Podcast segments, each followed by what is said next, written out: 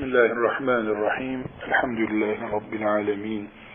Ve sallallahu ve sellem ala seyyidina Muhammedin ve ala alihi ve sahbihi ecma'in. Fıkhımızın, fıkıh bilgisinin ibadet bölümünde taharet konusundan sonra en önemli konu elbette namaz konusudur. Çünkü namaz dinin direği, Müslümanın en yoğun yaptığı ibadetidir. E, tabii olarak da e, Müslümanın 24 saat içinde en az 5 defa karşılaşacağı bir ibadetin e, fıkıh ilminde diğer ibadetlerden daha fazla yer tutması, diğer ibadetlere göre daha yoğun karşılaşılan bir konu olması elbette normal karşılanmalıdır. Namazı ele alırken namazdan önce namazın genel konuları, işte namazın önemi, namazın e, Allah katındaki değeri, Peygamber aleyhissalatü vesselamın, ashab-ı kiramın, daha sonraki ümmeti Muhammed'e önder olan şahsiyetlerin namaza verdikleri değer, toplumun, Müslüman toplumunun e, içinde, Müslüman bir mahallede, Müslüman bir ikametgahta namazın yeri, namazın evlerdeki yeri, namazın çağların getirdiği sıkıntılara karşı korunma mücadelesi, yani mesela namazın herhangi bir şekilde e, bir çiftçilikle meşgul olunan bir yörede korunmasıyla, modern hayatın yaşandığı e, çok yoğun trafikli bir şehirde mesela namazın korunması mücadelesi bu konular namazdan önce ele alınmış konulardı. Namazın önemi bunlarla vurgulanıyordu. Şimdi namazın e, kendi içindeki yapısını çözmeye, e, anlamaya çalışırken dedik ki namazın bir namazdan öncesi olan bölümü vardır. Buna namazın şartları diyoruz. Bir de namazın kendisini ayakta tutan bölümleri vardır. Buna da namazın rükünleri ya da farzları diyoruz. Bir şeyin şartları ve rükünleri diye ayrılması e, dışarıdan oluşum süreci ve içerideki işleyiş süreci olarak da adlandırılabilir. Bu oruç için de geçerlidir. Orucun da şartları var, farzları var. Hac içinde şartlar var, farzlar var. Fıkıh kitaplarında şartlar ve rükünler olarak zikredilir. Ee, biz toplu olarak çocukluktan itibaren e, halk düzeyinde e, bilgilendirilirken namazın farzları diye bu iç dış ayrımını yapmadan konuşuruz. Peki özellikle e, namazın dışarıdaki şartları, dış şartları, namaz öncesi hazırlık süreci ve namazın içindeki farzları diye bir ayrım yapmadan e, devam etmemizin ne zararı olur ya da neden özellikle şartlar diye bir ayrım yapılıyor? Şundan dolayı e, namazın eğer şartlarından bir tanesi ortada yoksa mesela kıbleye yönelmek namazın şartlarından e, birisiydi. E, kıbleye yönelilmediyse veya işte abdest, usul bunlardan bir tanesi namazın dış şartlarından yani namaza gelene kadar yapılması gereken şeylerden birisi olarak oluşmadıysa başka bir sonuç namazın içindeki farzlardan bir tanesinde e, sıkıntı varsa başka bir sonuç ortaya çıkar. Birisi namazda bir arızanın adıdır. Mesela içindeki namazın rükünlerinden bir tanesinde sıkıntı olması namazın içinde bir arızanın adıdır. Diğeri ise henüz namaz ortamına girilmediğini gösterecek kadar ağır bir şarttır. Yani abdesti örnek alalım mesela. Abdest namazın ön şartlarındandır. Yani aksi takdirde Müslüman e, kıbleye yönelmiş olsa, setre avretini sağlamış olsa, guslü de gerektirecek bir pozisyonda olmasa bile Müslüman namaz e, kılmak için kıbleye yöneldiğinde ön şartlardan birisi olan abdesti gerçekleştirmediyse, abdest almadıysa o namaz pozisyonuna hiç gelmemiştir. Namazda Fatiha'dan sonra 10 sure okusa, Kur'an-ı Kerim hatmetse zaten namaza başlamış sayılmıyor. Ama namazın içindeki şartlardan biri mesela kıraat. Mesela ayakta durmak. Namazın e, içindeki şartlardan, rükünlerinden bir tanesinde şu kadarı olsa şöyle olur, bu kadar olsa böyle olur diye ayrıntıya girebiliriz. Ya da daha sonra farklı e, soruların karşılığı olarak göreceğiz. Bunların hepsi toplandığında Müslümanın karşısında herhangi bir şekilde telafi edilemeyecek bir sorun olarak çıkmaz. Yani Fatiha'yı okumak namazın kıraatteki e, aranan şartlarından bir tane yani iç şartlardan bir tanesidir. Göreceğiz ki Fatiha'nın üç ayeti okunsa e, namazın işte zorunlu bölümü geçerli olur diye bir görüşle karşılaşacağız. Ama yarım abdest ya da unutulmuş bir abdest hiç namaz sahnesine yanaşmamak gibi bir sonuç doğurmaktadır. Ne zikrediyoruz burada, ne konuşuyoruz? Namazın veya orucun veya filan ibadetin, ibadetlerin hepsi için geçerli bu, şartlarıyla rükünleri arasındaki farkın bizi hangi sonuca götüreceğini görüyoruz. Yani e, örnek olarak yeri geldiğinde onu da konuşacağız elbette. Orucun şartlarını düşünelim. Orucun şartlarını düşünelim. Ve orucun içindeki rükünlerini, farzlarını düşünelim.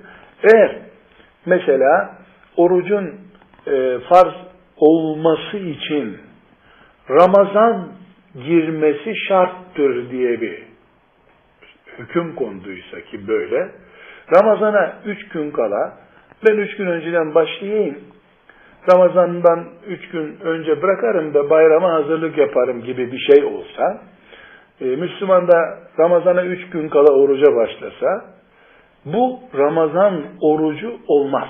Neden? Çünkü orucun şartlarından biri Ramazan vaktinin girmesidir. Vakti girmedikçe Ramazan orucu tutulmaz. Başka bir oruç tutulabilir. Bu şu anlama geliyor. Şartlar bir defa o işin yapılmasına uygunluk zeminini hazırlıyor. O zemin olmadan ibadet yapılması mümkün değildir. Namaz için de aynı şey geçerli.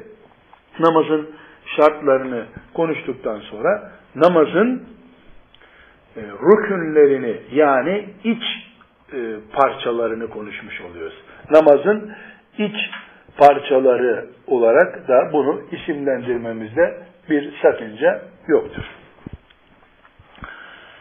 Namazın birinci rüknü, tekrar bu rükün kelimesini açalım, namazın parçalarının birincisi.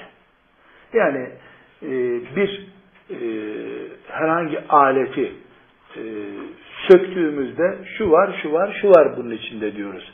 Namazı da parçaladığımızda namaz bir, e, ayakta durmaktan, iki, Kur'an okumaktan, üç, rükûden, dört, e, secdeden, beş, son oturuş denen bir oturuştan oluşmaktadır. Namazın böyle bir parçaları vardır. Bunlara fıkıh ilminde rükünler, rükün denir. Şimdi birinci rüknü namazın kıyamdır. Kıyam kelimesi ayakta durmak manasınadır. Ee, böyle bir küçük dipnot olarak hafızamızda bulunsun. Kıyam kelimesi namazda ayakta durmak manasınadır. Ama İslam terbiyesinde ya da e, hadisi şeriflerde İslam yaşayışında gece ibadeti manasına da gelir. Yani ayakta durmak demek e, gece nasıl oluyor? Müslüman yatağında durmuyor. E, ne yapıyor? E, kalkıp Kur'an okuyor, kalkıp teheccüd kılıyor. Gece kıyamı demek, gece ibadeti demek. Ama namazda e, kıyam dediğimiz zaman ayakta durmak. Yani namazın ayakta yapılan bölümü hangisidir? Rükû hariç, secde hariç, tahiyyata oturmak hariç, geri kalan bölümü namazın ayakta yapılır. Buna kıyam diyoruz. Kıyam namazın farzlarındandır. Yani rükünlerindendir. Bizi e, bu kural yani kıyam namazın rükünlerindendir kuralı şu hükme götürür. Bir Müslüman herhangi bir şekilde eğer namazını e, ayakta kılmazsa bir özrü olmadan o namaz namaz değildir. Daha sonra namazın vacipleri, sünnetleri, edeplerinden konuşurken bunu da tekrar konuşacağız. Yani bir şeyin namazın rüknünden olmasıyla namazın sünnetlerinden olması arasında çok fark var. Çünkü rükün olmadıkça namaz olmaz. Rükün kelimesine bir e, benzetme daha yapabiliriz. Hacca gidenler, umreye gidenler Kabe'nin e, köşelerine verilen isimleri gör. Rüknü Yemani diyor. Yemani köşesi. Rüknü Hacerül Esvet. Hacerül Esvet. Rükün bir şeyin köşesi demek. Yani direğinin durduğu yer demek. E, ibadetin rüknü o ibadeti ayakta tutan direkler demek.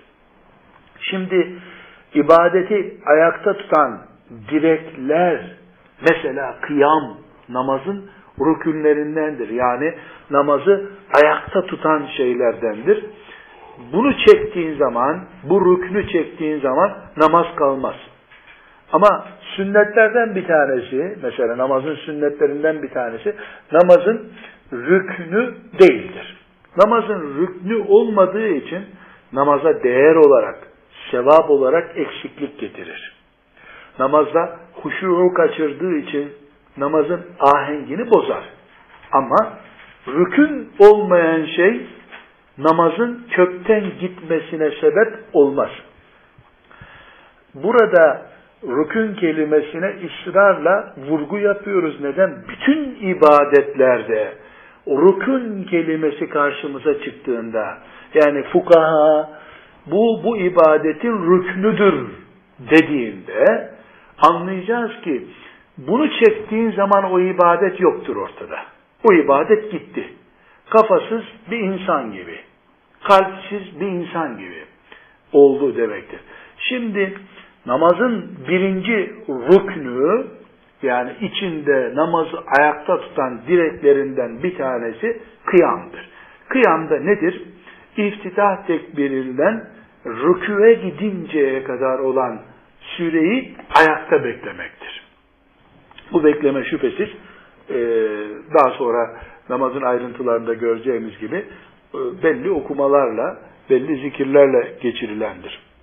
Kur'an-ı Kerim'in, hadisi şeriflerin e, yönlendirmesiyle ortaya çıkan fıkıh böyle bir kural görmüştür. Yoksa fukaha özellikle e, kıyamı namazın rüknü yapalım diye bir karar almış değillerdir. Allah böyle emrettiği için Resulullah sallallahu aleyhi ve sellem namazı böyle kıldığı için kıyam yapmayı yani namazı ayakta olan bölümünü ayakta kılmayı emir buyurduğu için namazın rükünlerinden birisi kıyamdır deriz.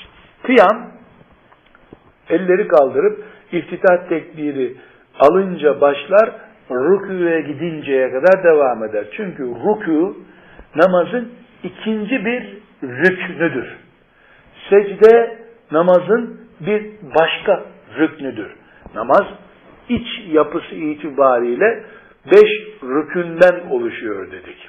Bu beş rükün ayakta durmak, rükû yapmak, secde yapmak e, ve kadeyi ahirede son selam verilecek olan oturuşta oturmak ve kıraat yapmak. E, burada iki önemli e, kuralımız var. Kıyamla ilgili yani namazın rüknü olan kıyamla ilgili iki önemli kural var. Birincisi namazın farz namaz veya nafile namaz. Nafile namaz ne ediyoruz? Farz ve vacip olmayan namaza diyoruz. Sünnet namazlarda diyebiliriz buna biz.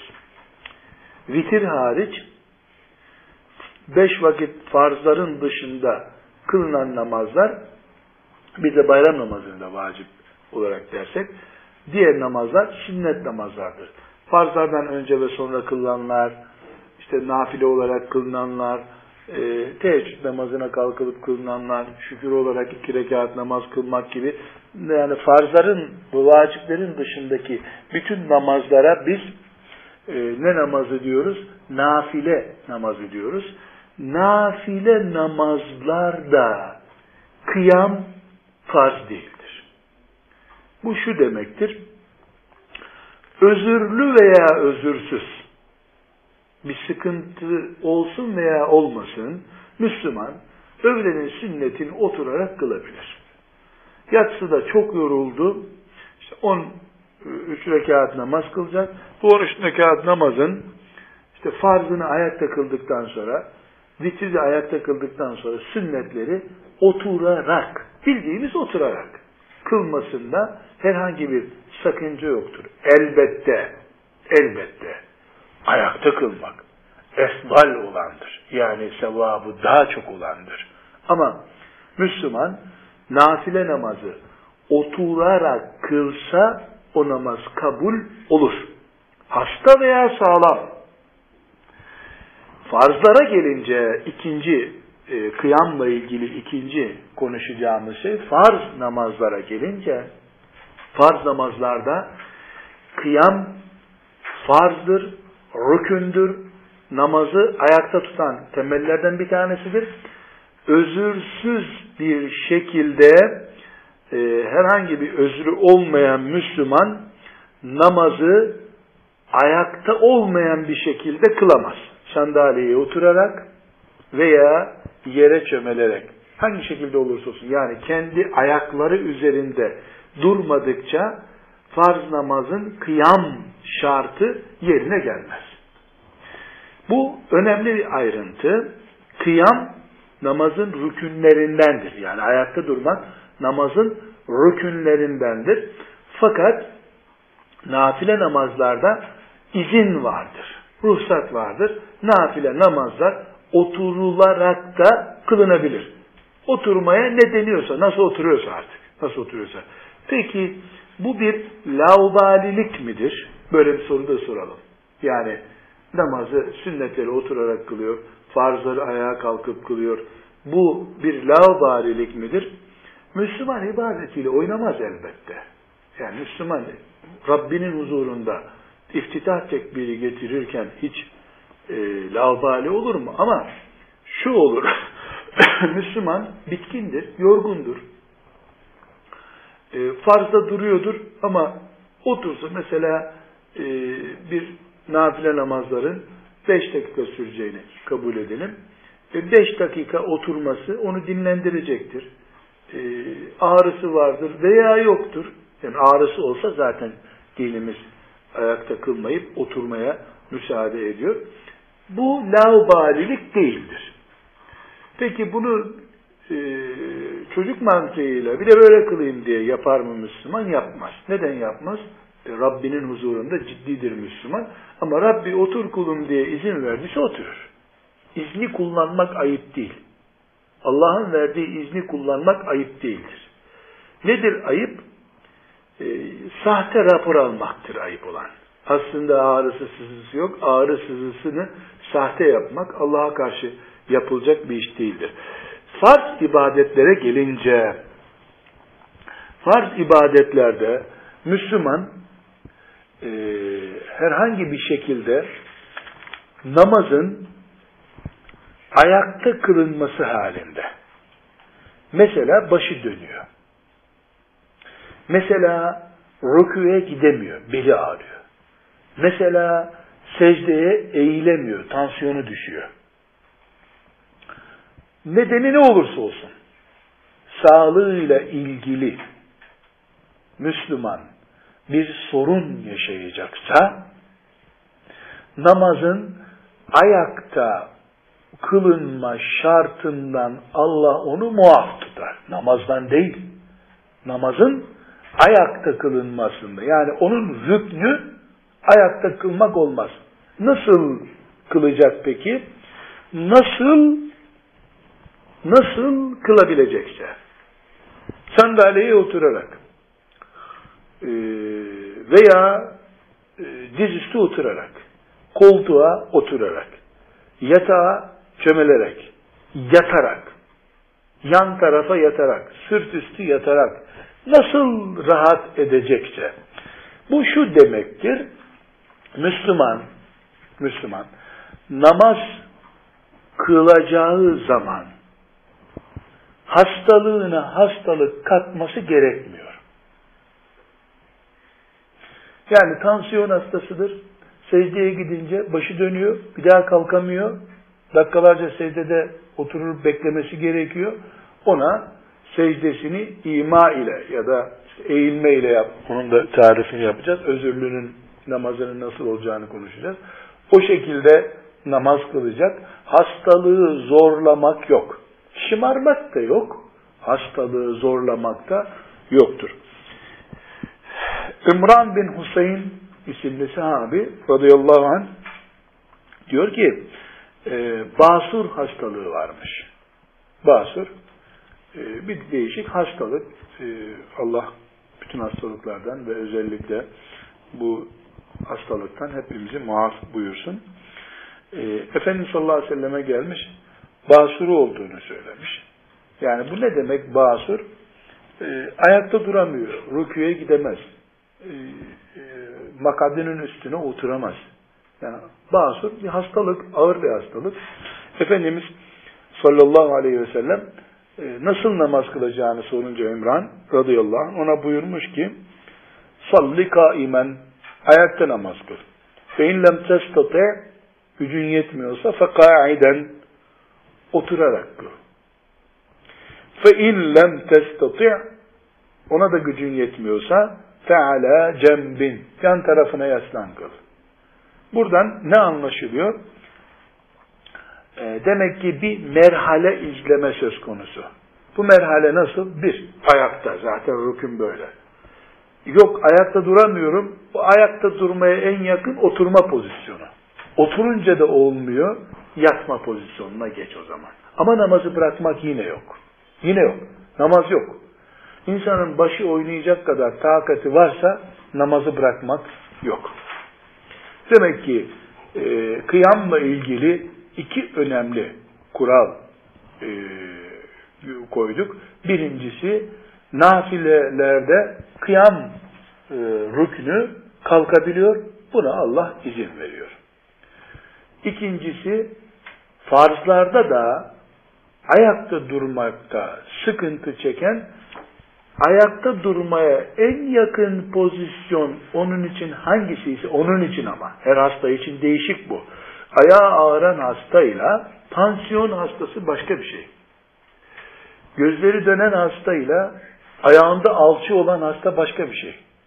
Yani bir Müslüman ayakta namaz kılar. Kural bu. Ayakta kılamıyorsa o ayakta kılma kuralına en yakın nerede kılabiliyorsa, hangi harekette kılabiliyorsa orada namazını eda edecek. Bunu da hadisi şeriflerden öğrenmiş olduk. Namazın en önemli ikinci şartı namazı kıraatle kılmaktır. Kıraat okumak demektir. Okumak kelimesi. Kıraat okumak demek. Kıraat hane de okuma evi demek. Maalesef şeytan insanların ömürlerini ve sıhhatlerini heder edecekleri yeri ta asırlardan beri kıraat hane olarak isimlendirmiş. Sonra bunun adı kahve evi anlamında kahvehane de olmuş. İkisi de tuzak. Kahvehanelerin, kıraathanelerin en güzel ismi ömür çürütme merkezleri diye konması lazım. Ömür çürütme merkezleri.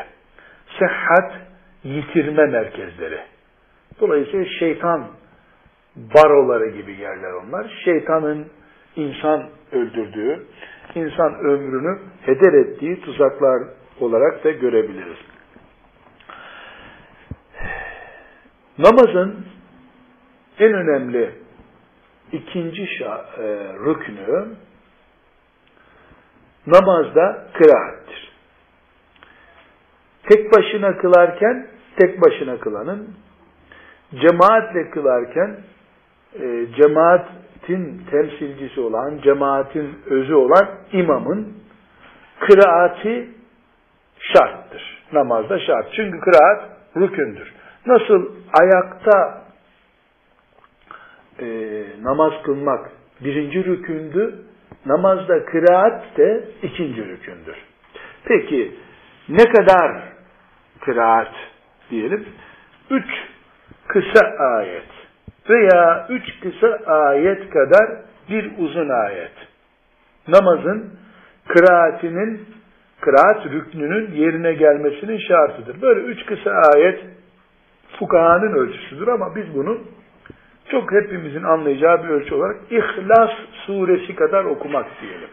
Kul huvallahu ehad, Allahu samed, lem yelid ve lem yulad ve lem yekun lehu kufuven ehad. Veya normal Kur'an sayfalarında bir satırda diyebiliriz. Bu kadar okumadıkça namaz olmaz. Hanefi mezhebine göre bu fıkı okuyoruz. Hanefi mezhebinin e, tarifi budur. E, diğer fıkıh bilgilerini de kattığımız zaman namazda Fatiha özellikle okunması bu namazın rüknüdür. Fatihasız namaz yoktur. Hanefi fıkhında ise e, bu üç ayet kadar yani Kur'an-ı Kerim'in yazılı musaflarının bir satırı kadar ayet okundu mu farz yerine gelir. Fatiha gene gerekli ama vacip olarak gerekli. Burada bir paragraf açıp şöyle dememiz, şöyle bir sorunun cevabını bulalım. Müslüman namazsız Müslüman olamıyor. Namazda da kıraat yani Kur'an'dan okuma farzı var, rüknü var. Dolayısıyla Müslümanın Kur'an bilmesi Müslümanlığıyla bağlantılı hale geliyor. Neden? Çünkü namazsız İslam yok. Kıraatsiz de namaz yok. Buradaki dengeyi nasıl bulacağız?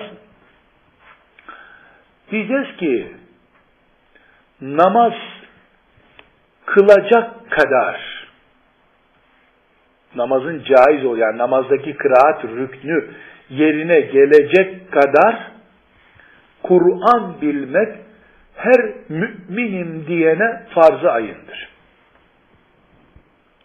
Farz-ı ayın ne demek? Hiçbir şekilde bir Müslümanın ben bundan muafım, benim için bu şart yok diyemeyeceği farzdır. Demek ki kuralı tespit ediyoruz. Bir Müslümanın bir namazın kılınmasını e, caiz ya da yeterli sayacak kadar Kur'an bilmesi farz-ı ayn'dır. Bu kadar Kur'an bilmeden Müslümanlık yok. Kur Kur'an-ı Kerim'den Fatiha suresini Fatiha suresini Elhamdülillahi Rabbil Alemin Errahmanirrahim diye başlayan Fatiha suresini artı ilave olarak üç ayet zamm-ı sure dediğimiz bölümü okuyacak kadar yani bir Fatiha suresi artı İhlas suresi kadar bir satır daha bilmek de Kur'an'dan bu kadar ezberlemek de vaciptir. İki hüküm çıktı demek ki.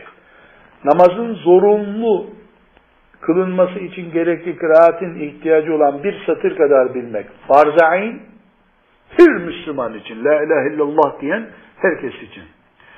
Fatiha suresi ve artı bir satır kadar daha bilmek vacip.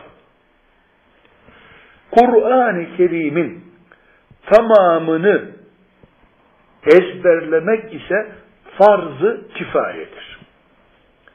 İki türlü farz var çünkü karşımızda. Bir farz-ı ayn var, bir farz-ı kifaye var. Farz-ı ayn ve farz-ı kifaye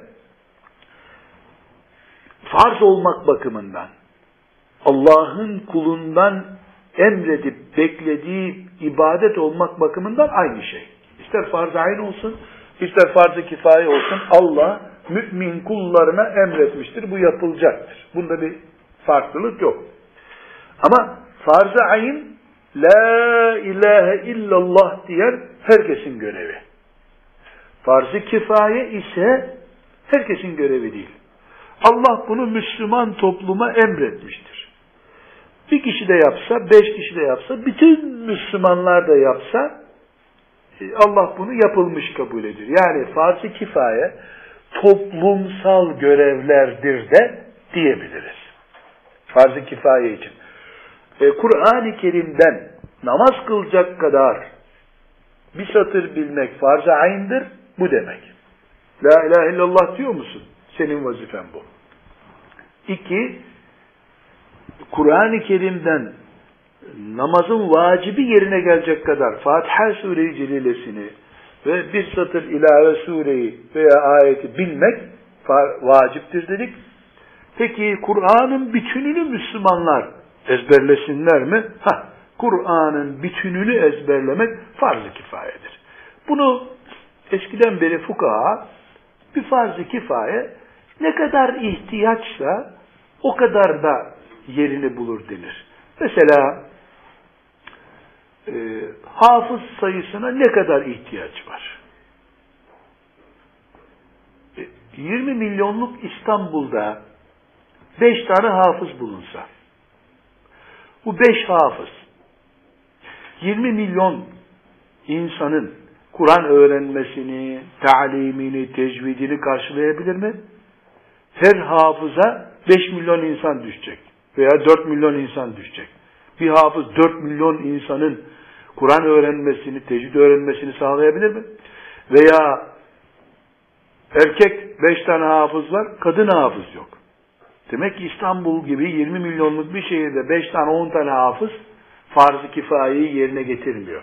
Ama bin kişilik bir kasabada iki tane hafız var. İki hafız onların çocuklarına Kur'an öğretme ve tecvid öğretme gibi görevleri yerine getirirler.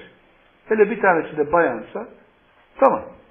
Bayan 300 tane 500 tane e, bayanın en fazla 20 tane çocuğu vardır. 20 tane çocuğu herhalde bir e, hafız efendi veya hafıza hanım çok rahatlıkla eğitirler. Çünkü hafız demek Kur'an-ı Kerim'in kuşaktan kuşağa dilden dile taşınması demek. Sadece bunun sevabı açısından bakmıyoruz biz. Zira hafız nesli kaybolduğu zaman, hafızlık kalktığı zaman bir sonraki kuşağa Kur'an'ı bilmeyenler, sadece 3-5 sure bilenler aktarmış olurlar ki e, Kur'an'ın bütünü kuşaktan kuşağa dilden dile taşınmaz o zaman. Dolayısıyla farz-ı kifaye Müslümanların ihtiyacı kadar olan şeyi ortaya çıkardıklarında yerini bulur. Mesela Müslümanların işte fıkıh kitaplarında verilen örnek budur hep. Cenaze namazının bir Müslüman öldü. Hiç kimse bunun cenazesini kılmasa vebale girer bütün Müslümanlar. Üç kişi Allahu Ekber deyip dört tekbirle cenazeyi kıldıklarında bütün Müslümanlar da bundan kurtulmuş olurlar bu vebalden. Peki üç kişi değil de üç bin kişi olursa e, o zaman sevapta yarışmış oluruz. E, hafız sayısı her on kişiden beş tanesi hafız bir şehirde. E bu o zaman nur yağmuru olur. Göklerden yere nur yağmış gibi büyük oluruz o zaman. Burada e, namazın kıraati ile e, ilgili kuralımızı öğrenmiş olduk. Bir önemli kural da yine Hanefi mezhebinin ölçülerini özellikle vurgulayarak söylüyorum. İmamın peşinde duran, imamın peşinde namaz kılan, yani imamın peşinde derken imamla beraber, yoksa imam sünneti kılıyor önde, arkada onun peşinde durmuş değiliz biz. Niyet edip imamla beraber farz namazını kılarken arkada imama uyana kıraat rüknü yoktur. Kıraat tek başına namaz kılanın üzerine vardır. Veya cemaatle kılarken sadece imamın üzerinde kıraat vardır. Bu şart özellikle tembih ediyorum Şafii mezhebini taklit edenler için böyle değildir. Şafii mezhebinde imamla veya yalnız nasıl kılarsa kılsın e, Müslüman Fatiha suresini okumadan namazı olmaz. Bu konuda da hadis-i şerifler var. Yani Fatihasız namaz yoktur, Fatihasız namaz eksiktir diye. Fakat Hanefi fukahası, Allah onlardan da, diğer fukahamızdan da razı olsun, bunu vacip düzeyinde görmüşlerdir. Ee, bu da yine Kur'an-ı Kerim'deki ayeti celileden özellikle etkilendiklerinden dolayı yani okunurken Kur'an susun ayeti Araf suresinin 204. E, ayeti özellikle وَاِذَا قُرَيَ الْقُرْآنُ فَاسْتَمِعُوا لَهُ وَاَنْصِتُوا O okunan Kur'an'ı dinleyin ve susun. Bu namazda da geçerlidir. Namazda da imam okurken e, sesli veya açık fark etmez. İmam okurken arkasındaki Kur'an'ı dinler e, diye bir kural anlamışlardır. Burada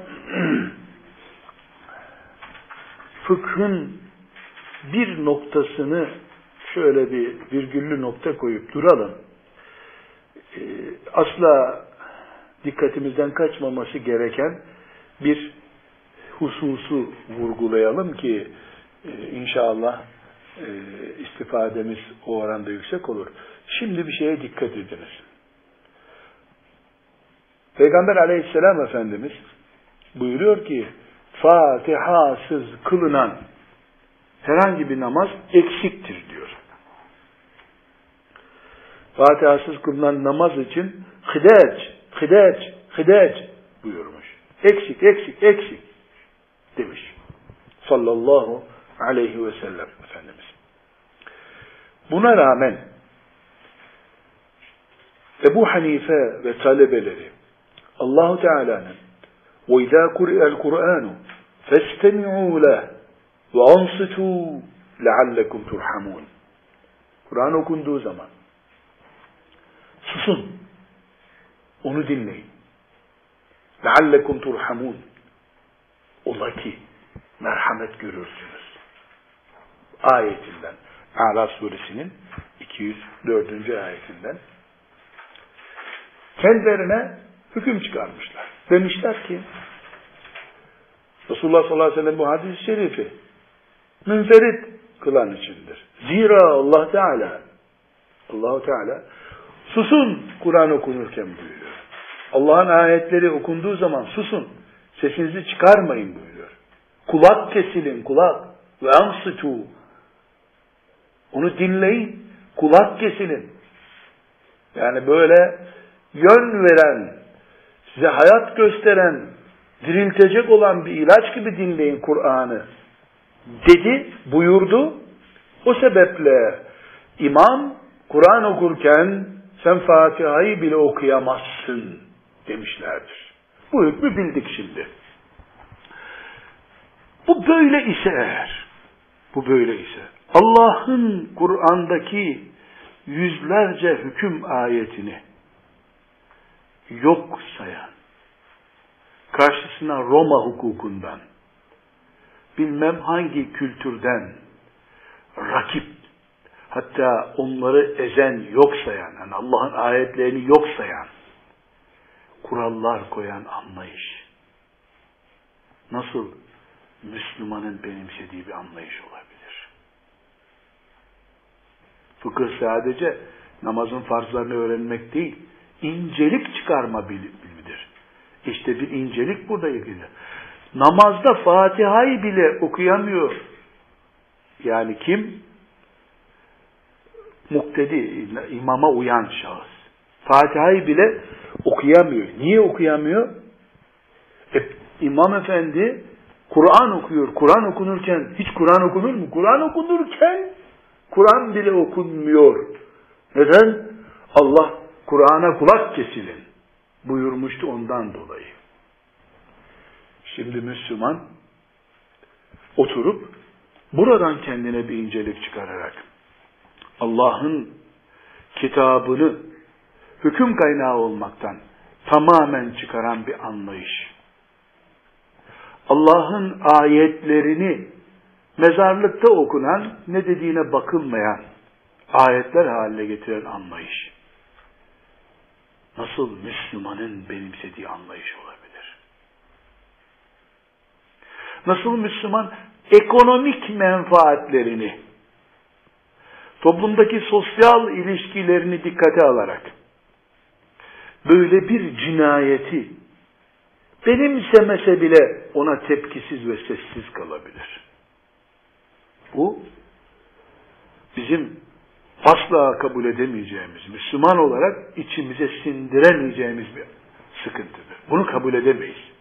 Rabbimizin kitabının ayetlerinin cep telefonlarında melodi gibi kullanılmasını kabul edemeyiz biz. Çünkü Allah Kur'an'ı dinleyin de demiyor. Kulak kesilin Kur'an'a diyor. Kulağınızı Kur'an'a verin. Kulağını Kur'an'a vermek demek çok dikkatli dinle demek değil. Ne dediğine bak yap demek için. insan onun için dikkatli dinler Haber bülteni dinlenir gibi Kur'an dinlenmez. Bu inceliği de buradan çıkarmamızda fayda var. وَاَنْصِتُوا لَعَلَّكُمْ تُرْحَمُونَ hükmü aksi takdirde e, bizim için çok büyük tehlikeler oluşturur.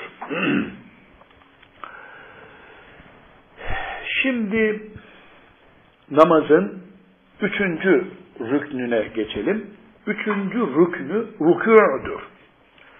Rükû, Müslümanın 90 derecelik açı oluşturacak şekilde belini bükmesidir. Eller diz kapağına tutulur e, ve 90 derece açı olacak şekilde yani tam böyle eğilme. Sahabe tarif ediyorlar. Diyorlar ki Peygamber Aleyhisselam'ın rükûnu sırtına bir tas koysan dökülmezdi su diyorlar. O kadar düz. Çünkü insanın sırtı eğri olsa o tas oradan dökülür. O kadar düz tutmuş ki sırtını aleyhissalatü vesselam Efendimiz tatlı, su dolu tası koy tas düşmüyor sırtından ve su dökülmüyor. Rükû böyle. Sadece hanımlar için fiziki yapılarına hamilelik, ee, ve benzeri fiziki yapılarına dikkat ederek fukaha hanımlar rükûde bu derece eğilmeyebilirler diye kural getirmişlerdir. Bu hanımların yaratılış tarzlarından dolayı zorluk çekmemeleri için getirilmiş bir hafifliktir. Bu otururken de hanımlar için geçerlidir oturuşlarında da var. Yani otururken de hanımlar bu inceliğe e, dikkat edebilirler. Çünkü hanımların kendilerine mahsus fiziki yapılarından, yaratılışlarından kaynaklanan farklılıkları, dayanma kapasiteleri, incinmeleri ne dikkat edilebilir. Rükû demek ki bu şekildeki bir rükû namazın e, şartlarındandır. Biraz önce birinci rükün dediğimiz e, kıyamın yapamayanı için demiştik ki e, otursun. Oturamıyorsa yatsın. Ne yaparsa yapsın. Kıyam ondan kalkar demiştik. Rükûde de aynı şey geçerli. Secdede de aynı şey geçerli. Yani şu 90 derecelik kıvama gelecek şekilde rükû yapmak bu kudreti olan içindir. Allah'ın şeriatının en temel prensiplerinden biri kudreti olmayandan bir şey istememektir. Eğer rükû yapmak şu hastalığından, bu sıkıntısından dolayı başını döndürüyor ve duramıyorsa rükûda yapabildiği kadar. Yapabildiği. Tam eğilemiyordur, yarım eğilsin. Bu tam eğilmek tam kudreti olan için. Allah'ın şeriatında zorluk yok, laubalilikte yok. Eğer e, oturarak namaz kılıyorsa birisi, hani dedik ya kıyamda ayakta duramayan otursun, bu otomatik olarak rükû yapamayacak demektir. Secde belki yapabilir ama rükû yapamayacaktır. Yatarak mesela namaz kılabilir dedik. Koltuğa yaslanabilir dedik. Sedyede olabilir. Bir ağaca yaslanabilir. Her halükarda yani nasıl ayağı kır adam taş gibidir ama ayağında alçı vardır. Ayağındaki alçıdan dolayı hareket edemiyordur. Bir özürden dolayı ayakta namaz kılamayan veya e, işte nafile namazda mesela özür yok ama nafile kıldığı için oturarak kılıyor. Değil mi? Ona da ruhsat var demiştik, izin var demiştik. O zaman rükû başı ve sırtı hafif eğerek yapılır. Sırt da hafif eğilecek. Özürlü veya nafile kıldığı için oturarak namaz kılan Müslüman ruku yapacağı zaman başını hafifçe eğer, sırtını da eğer, bu onun rükû olur. Semiallahu limen hamide diyerek başını ve kaldırır, sırtını doğrultur. Eğer secdeye gitmesi de mümkün değilse, çünkü secdede gidebiliyorsa secdeye gidecek, secdeyi de bu şekilde yapacak. Şu kadar ki, mesela ruku yapmak için başını ve sırtını 10 santim eğiyorsa, secde için 15 santime doğru biraz daha fazla yaparak secdeye gittiğini hissettirir. Ama nafile namaz kılan oturarak namaz kılıyorsa secdeye inmesi lazım. Bu secdeyi yapamamakta ancak bir ağrıdan, sızıdan, özürden dolayı mümkündür. Namazın demek ki üçüncü rüknü de rükûdur. Dördüncü rüknü namazın yani iç fiziğinin, namazın iç yapısının dördüncüsü secdelerdir. Rükû bir tanedir her rekatta ama secde iki tanedir.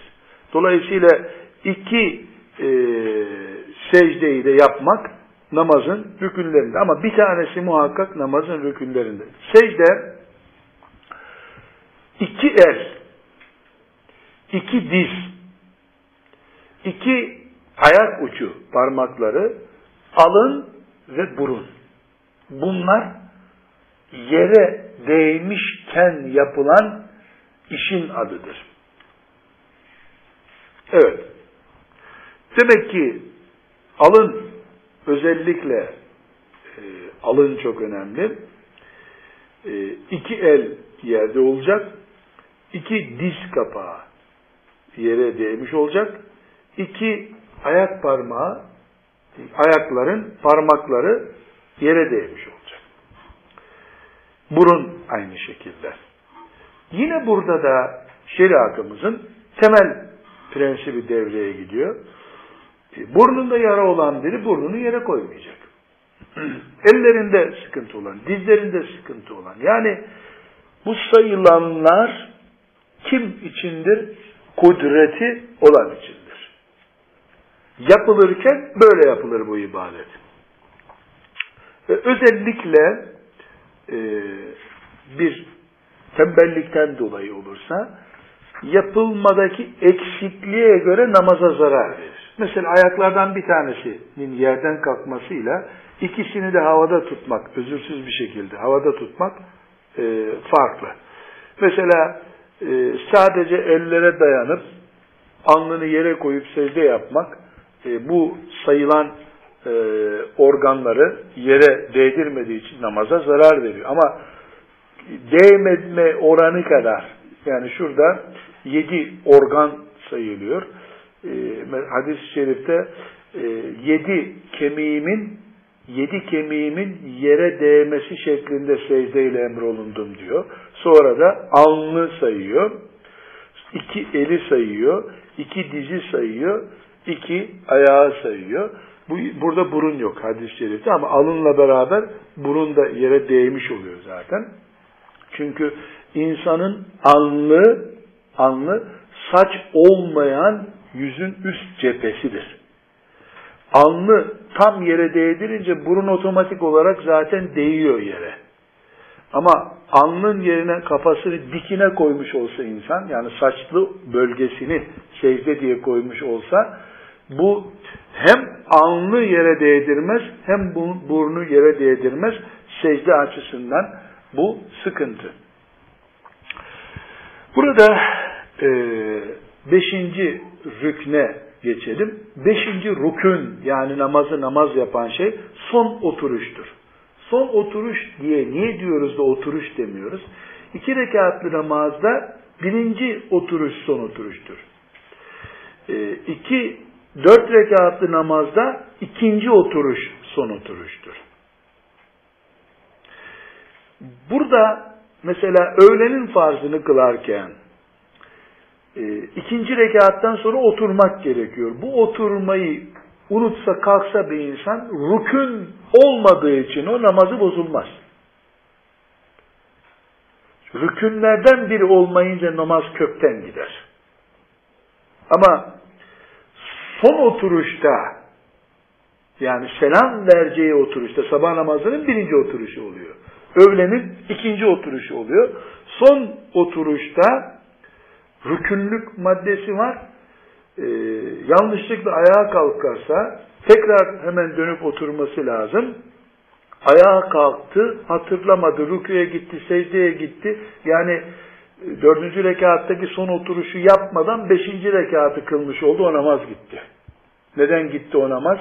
Çünkü e, beşinci rekat kıldı. Halbuki dördüncü rekattaki son oturuş rükündü, farzdı. O imal edilince namaz gitti. Bilerek bilmeyerek tabi. Bilmeyerek yapılır zaten. Bilerek oynanmaz namazda.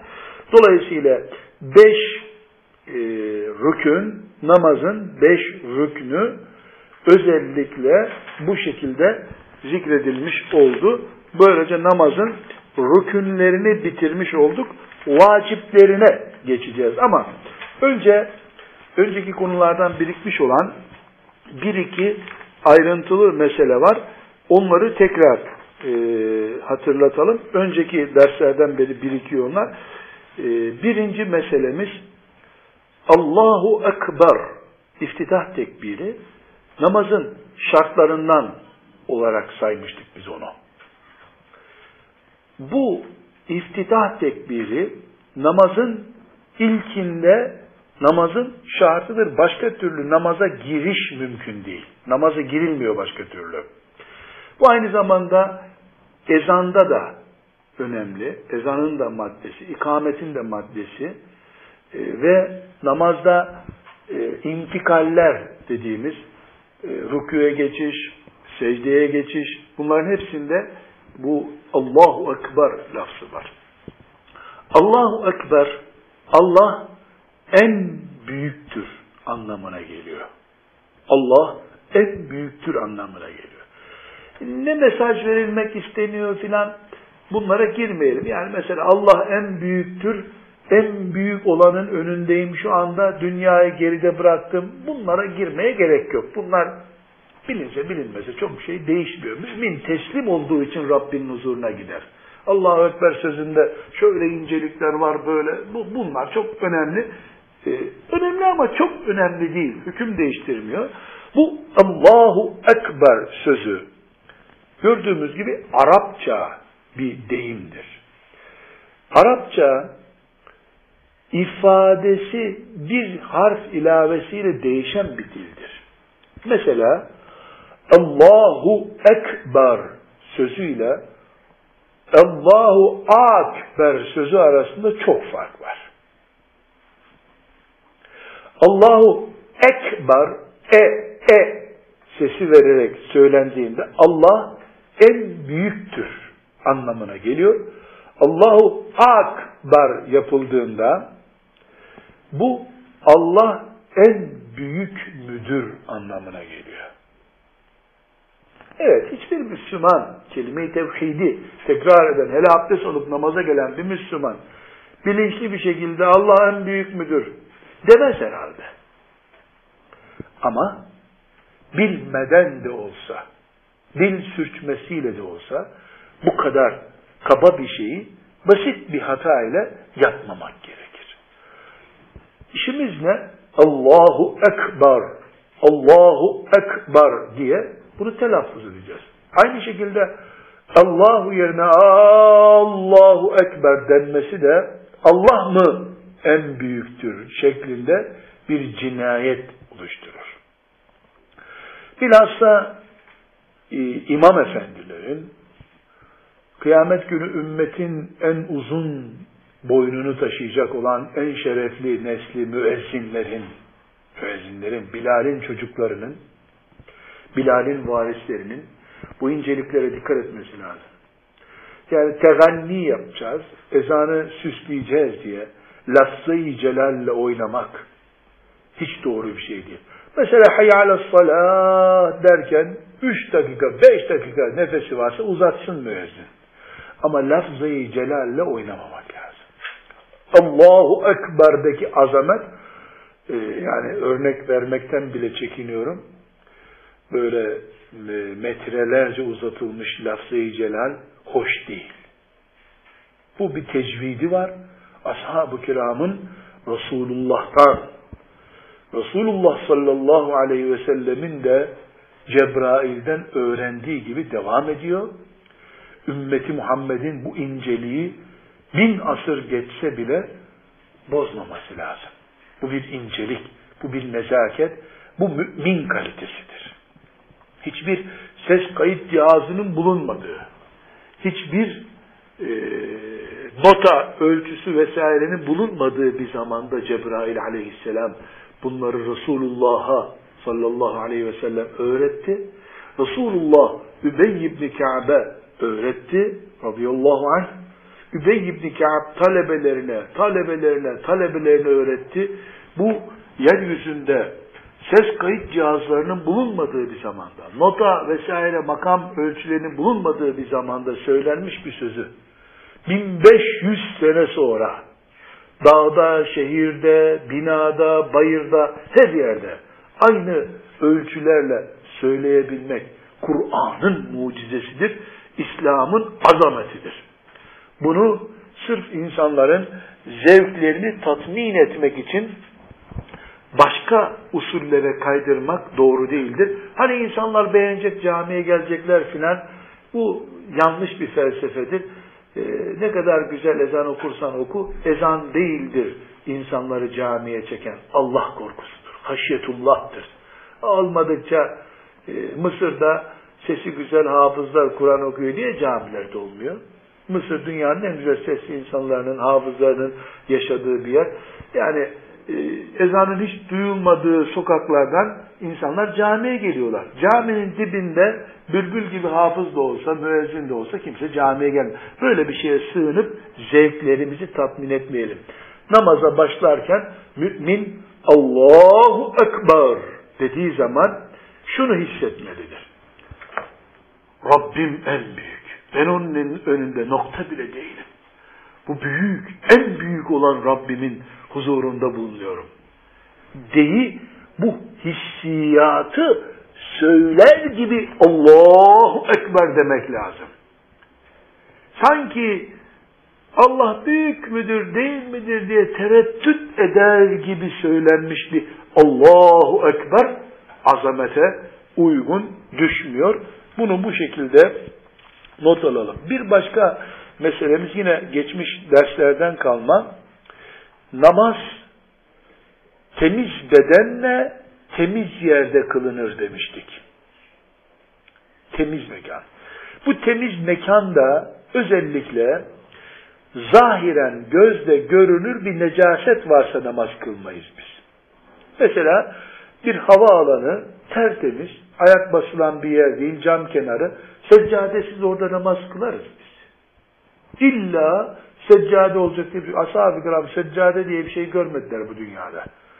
En güzel namazları seccadesiz kıldılar Allah onlardan razı olsun. Çakıllar toprakların üstünde namaz kıldılar. Ne de mübarek namazlar kıldılar. Kuş tüyünde namaz olmaz zaten. İki santimlik halının üzerinde namaz ne kadar olur şüpheli o. Onun için namazı evet soğuk taşlar üzerinde de kılmamız gerekmiyor ama temiz yerde namaz olur. Diretmeye gerek yok. Yani havaalanında niye namaz kılmıyorsun? İstasyonda niye namaz kılmıyorsun? Hastane, ayak üzeri olmayan, her gün üç defa, dört defa deterjanla temizlenen bir yerde seccade yok diye namaz kaçırılır mı? Ne gerek var? Allahu Ekber. Ayakkabılarımızı çıkarır, namaz kılarız. Buna rağmen ayak basılan, kirli, necaset olduğunu gördüğümüz bir yere de temiz bir seccade serersek orada da namaz olur. Önemli olan bizim alnımızın ve ayaklarımızın namazda organlarımızın değdiği yerlerin necasetli bir bölgeye değmemesidir. Üzerine seccade veya halı veya e, tahta parçası, kağıt, biz ne koyduysak koyalım. Biz necasete elde etmediysek namazımız caizdir. Önemli olan bizim bedenimizin, namaz organlarımızın necasete değmemesi meselesidir. Yine eski derslerden kalan e, bir noktayı daha açalım. Avret, setrül avret demiştik. Avretin örtülmesi meselesi çok önemli olduğu için burada bunu tekrar ediyoruz. Namazın şartlarından kalan bir bölüm. Avret, aksi takdirde örtülmemesi durumunda, aksi takdirde namazı namaz olmaktan çıkaran beden demektir. Bedenin bölümü demektir. Erkeğin avreti namaz için başka şey, kadının avreti başka şeydir. Erkeğin avreti göbeğiyle, yani göbek deliğiyle diz kapağı arasıdır. Bu bölge örtülü ise mekruh da olsa namazı olur. Yani atletsiz de namaz kılabilir mi erkek? Kılabilir. Ee, kısa dizlerine kadar olan bir pantolonla namaz kılabilir mi? Kılabilir. Mekruh mudur? Elbette mekruhtur. Ama bu mekruhluk bir özürden dolayı olursa mekruh olmaktan şüphesiz çıkar.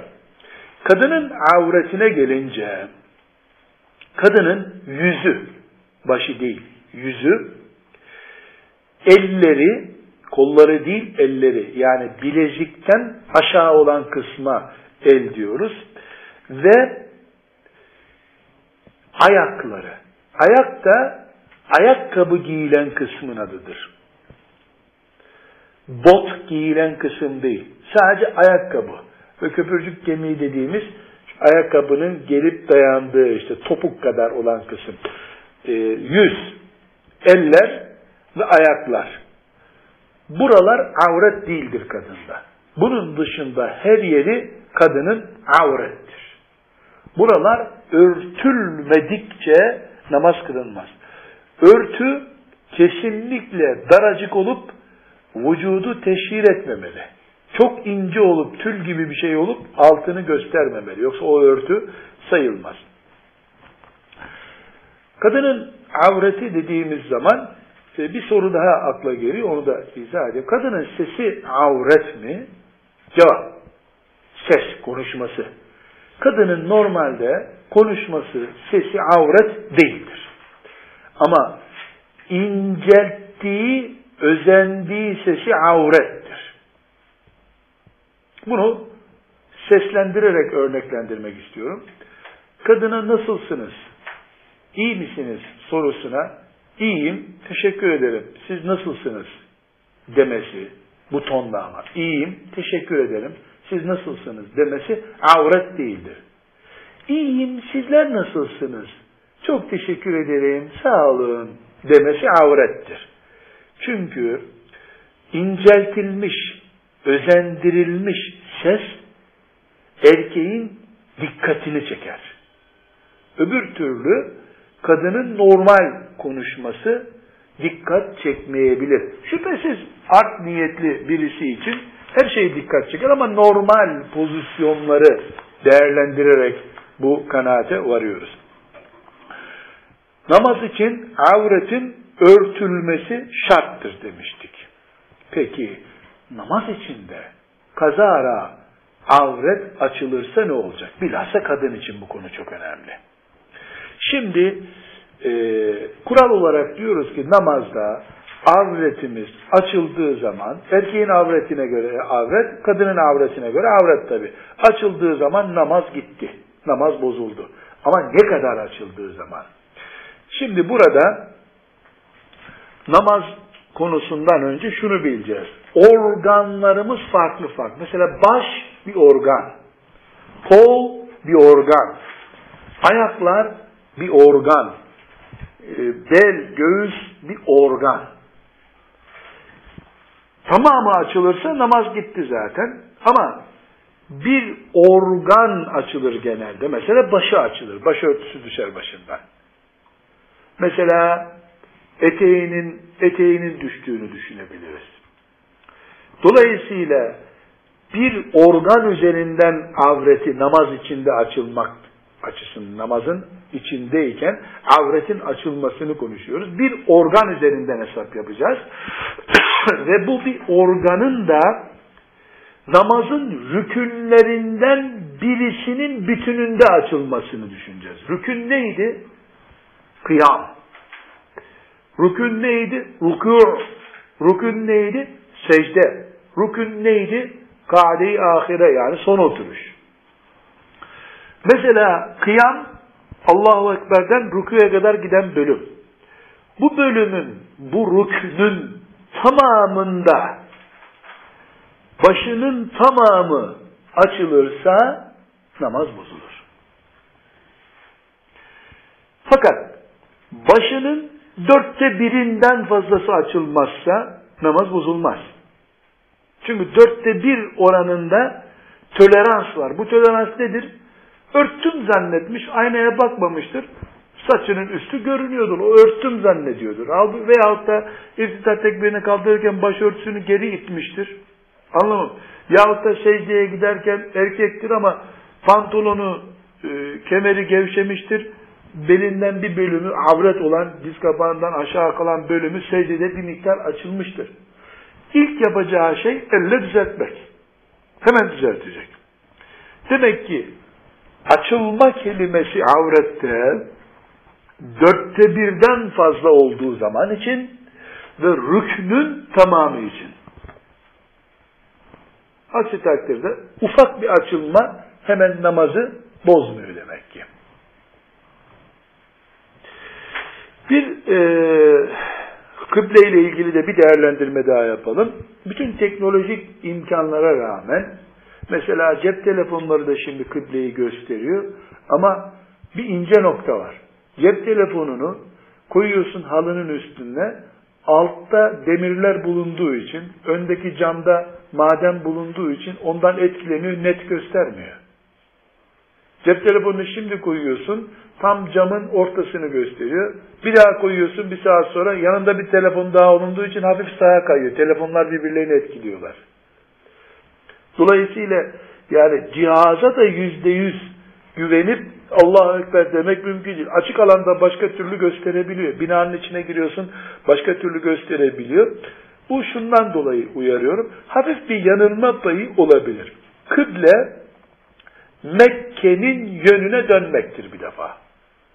Bir Müslüman kuzeyden güneye kadar dünyanın herhangi bir yerinde Mekke yönüne döndü mü yüzde beş, yüzde on yanılmadan dolayı kıblesine bir zarar gelmez. Ama en ince yüzde yüz Hacerül Esved'i yakalayacak şekilde e, kıbleye yönelmeyi arzu ederiz. Öyle olmasını isteriz. Onun için gayret ederiz. Ayrı bir konu. Ama seccademizde yüzde beş, yüzde on, yüzde on beş kadar yanılmalar, hatta yüz yirmiye kadar olan yanılmalar çok da namaza zarar verici şeyler değil. C, e, bu birinci mesele. İkinci mesele, kıbleye dönme imkanı yok Müslümanın. Nasıl örneklendireceğim bunu? Hastanede sedyede yatıyor. Kıbleye dönemiyor artık. O Müslümanın kıbleye dönmesi şart değil, ayak ucuna doğru bakar, ayak ucu ne tarafa ise namazını o şekilde kılar. Çünkü ne demiştik? Bütün emirlerinde Allah'ın kudret şartı vardır. Kudreti olan emreder. Alçıya alınmış. Kolunda serum olan bir hastanın kudreti yoktur dönmeye. Veya başka bir nedenle başka bir nedenle kıbleye dönme imkanı olmayabilir mi? Olmayabilir tabi. Müslümanın. Mesela bir yer düşünelim. Ee, çok küçücük bir koridorcuk var. Ancak orada ayakta durup namaz kılabiliyorum. Koridor kıbleye yan tarafa doğru bakıyor. E ben koridoru ters dursam ne rükû yapabileceğim ne secde yapabileceğim. Koridor, daracık bir koridor. Ee, yani mesela 50 santimlik bir koridor. Onu da dikey kullandığım zaman koridoru namaz kılabiliyorum. Ama kıblenin yüzde 60 yan tarafında mesela. Koridor kıbleye bakmıyor da Şam'a doğru bakıyor diyelim. Ben o koridoru ters dursam kıbleye uymayacak. Yan dursam eğilemeyeceğim. O zaman normal şartlarda artık kıbleye dönme imkanım yok. Vakti de çıkarmayacağım. Namazı o şekilde kılacağız. Ee, kıbleyi araştırıyorum, inceliyorum. Ee, sonra anlıyorum ki doğru değilmiş kıblem. Hiçbir sakıncası yok. Ama araştırmadan, incelemeden namaza durma halinde namaz batıl. Namaz batıl. Bu sebeple kıble şartına da bir iki ilave yapmış olduk.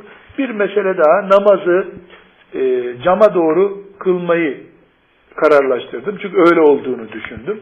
Sonra baktık ki namaz ortasında geldi birisi hafif sağa dön. Namaz kıbleyi yanlış tuttun dedi. Namazın içinde sağa döneceğiz. Doğrusunu yapacağız inşallah. Ve sallallahu ve sellem ala seyyidina Muhammed ve ala alihi ve sahbihi ecma'in velhamdülillahi rabbil alemin.